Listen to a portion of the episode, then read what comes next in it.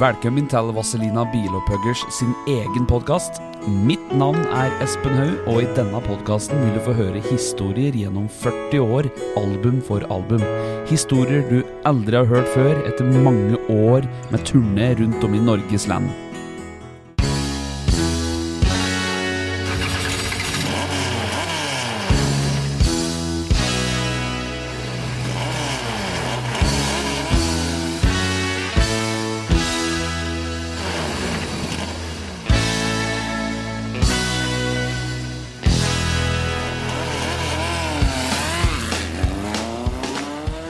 Vazelina-podden.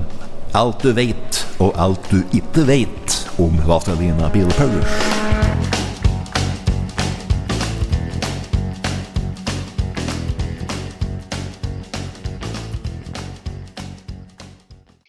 Og da Blues Brothers-filmen dukket opp, så trodde folk at det kanskje vi, det er noe vi hermer etter dem, men det var omvendt. Altså, vi, vi var jo i gang med dette der.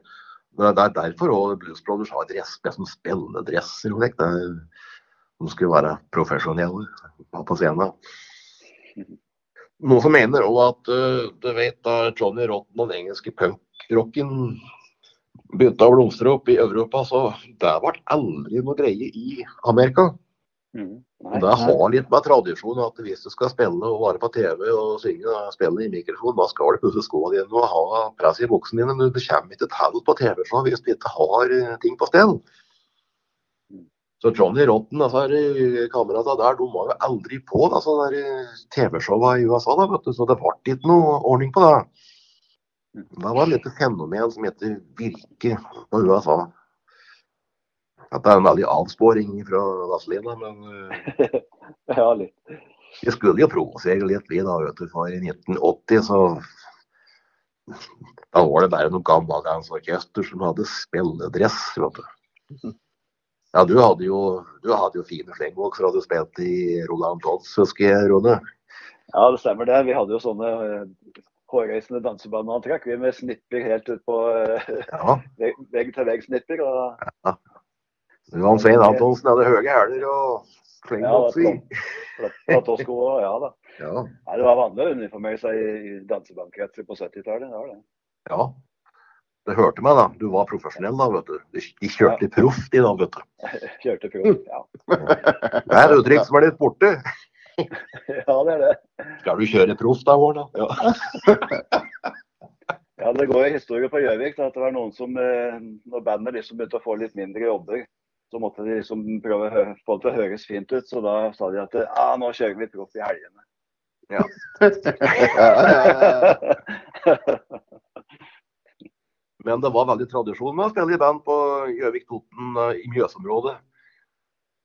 Som ikke, ikke var andre steder.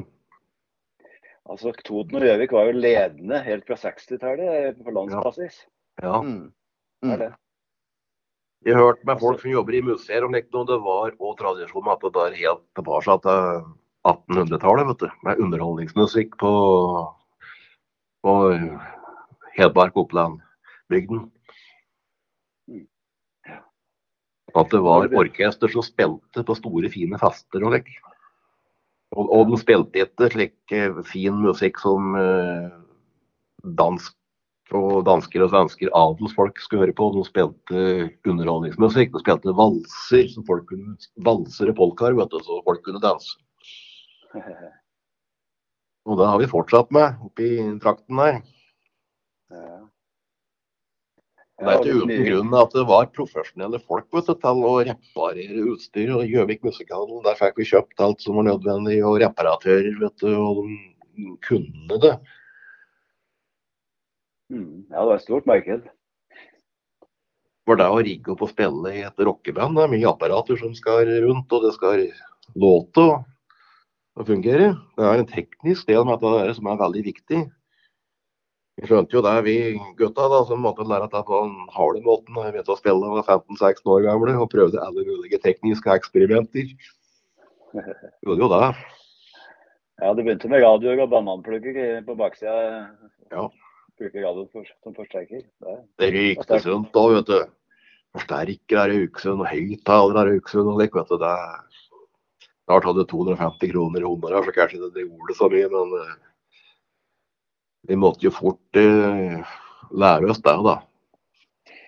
Dette bandet du spilte synge riktig tekst på Det er Det bandet du spilte i, Arne, er det het?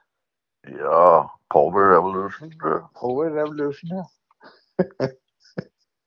Var trio det, Arnulf? Var det ikke? Hæ? Var det ikke en trio? Nei, Og kvartett, vel?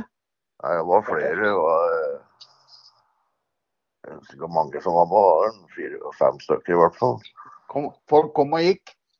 Ja, Ja, for Kjell Rosenlund og han eh, og- Torbjørn Nikolaisen. Torb- Torbjørn og de var med. Ja. Det Vi var jo Sveinung med òg. vi var bare tre til å begynne med, og så kom Sveinung Hovensvin, ja. Hvis du lurer på hva vi egentlig driver med, så sitter vi her direkte over telefonen og spiller inn Vaselina podcast.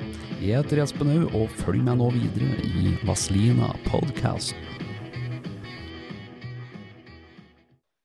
Den andre Hovensvin, han. Stein. Geir. Hæ? Geir. Stein. Stein, ja. Stein. Ja. Han er ikke med oss lenger, da. Men...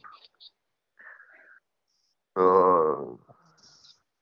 så var det en gubbe, da, som var Gulbrandsen, som var eh, lydtekniker. Han hadde anlegget, da. Vi Det spilte psychedelic-repertoar de hadde. Ja, ja, gubbe hadde sånn uh, psychedelic fram, lysbildeframviser som om de var hentet noe væske oppi og slik, så det fløyt utover hele scenen, liksom. Ja, ja. Ja, da hadde lært av du. Vi spente jo på Hamar, så ja, da var det en gubbe som var og hentet humrer, og da fikk vi ti kroner hver. Altså.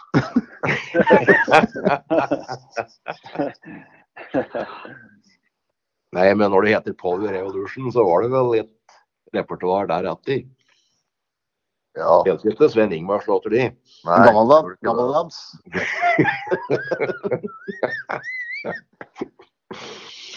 En annen historie som vi må nevne, det var jo at vi spilte på andre sida av Trondheimsfjorden. Var det Lakesvika eller borte i skjæringa der, så vi bodde på et pensjonat så skulle det rives likevel. Husker du det? Ja, ja. Og da bodde vi der sammen med et uh, gammeldansorkester fra Røros. Og der var karer i slike svarte bilbukser og svarte elgskinnsvester, vet du, og øvdamsko og røde skjorter. Ja, de ble jo helt uh, ja, sinnssyke, vet du. De gikk jo tvers gjennom veggen og rev og sønn var rasert helt som så grønt så jeg skulle, skulle jo rive sånn likevel. Jeg har notert meg det, da. Det var på Valset eh, Ja. i juni. 9. juni 91. Var det siste jobben? Det var siste jobben på Valset, ja. 9.6.1991. Og da det var så bråkete og full jubel før vi gikk på, vi gikk, gikk og gikk inn på scenen, så sa han hysj! Husker du det? Ja, ja, ja. Ja. Og dårlig monitoring. Hysj, hysj, sa Viggo. Vi, vi hadde en tendens til å hysje på publikum. Ja. For da han var med, han eh, kameraten òg, vet du, han eh, Jan Werner. Husker du Ja, det? han sang, Ja. sa, han sang tema fra Twin Peaks. Ja. Og så var han uh, Leffy med som uh, Du hadde ødelagt armen din, tror jeg, Arnulf? Ja, ja. Han uh, hadde bare én arm ja, du hadde kjørt billøp og ødelagt armen din. Ja. Ja, ja, ja. Så Leffy var med på trommer. Ja. Riktig. Jeg fikk under låten, så han var med på kort varsel. Ja, ja. Han Viggo hysjer på publikum, ja. Kjempebra. Og Flere, flere ganger han gjorde det. Ja, ja, ja. ja. Uff. Ja, men du det er fikk bra. flata. Slik som vi spilte de gamle dager, så hang jo publikum helt inna scenekanten òg, vet du. Og røkte Og Viggo og var sånn. huet rett ut. Og vi spilte, husker spilte på i Selbu, Selbu-festivalen. Der hang det like tullinger helt innpå scene, scenekanten. Og følte ikke med bare og helt i orska. Og nitala og lik. Visste ikke hvem de var en gang, ikke sant?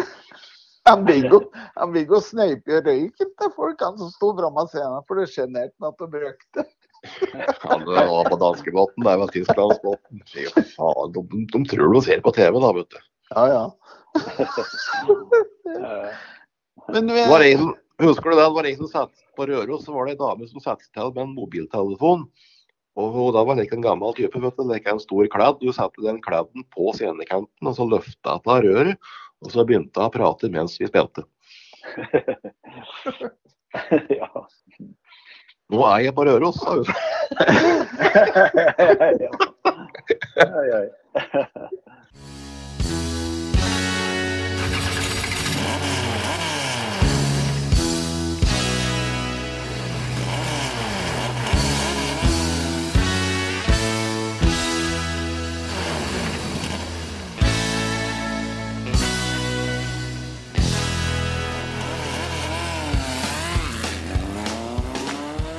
Vazelina-podden. Alt du vet, og alt du ikke vet om Vazelina Bilpuggers.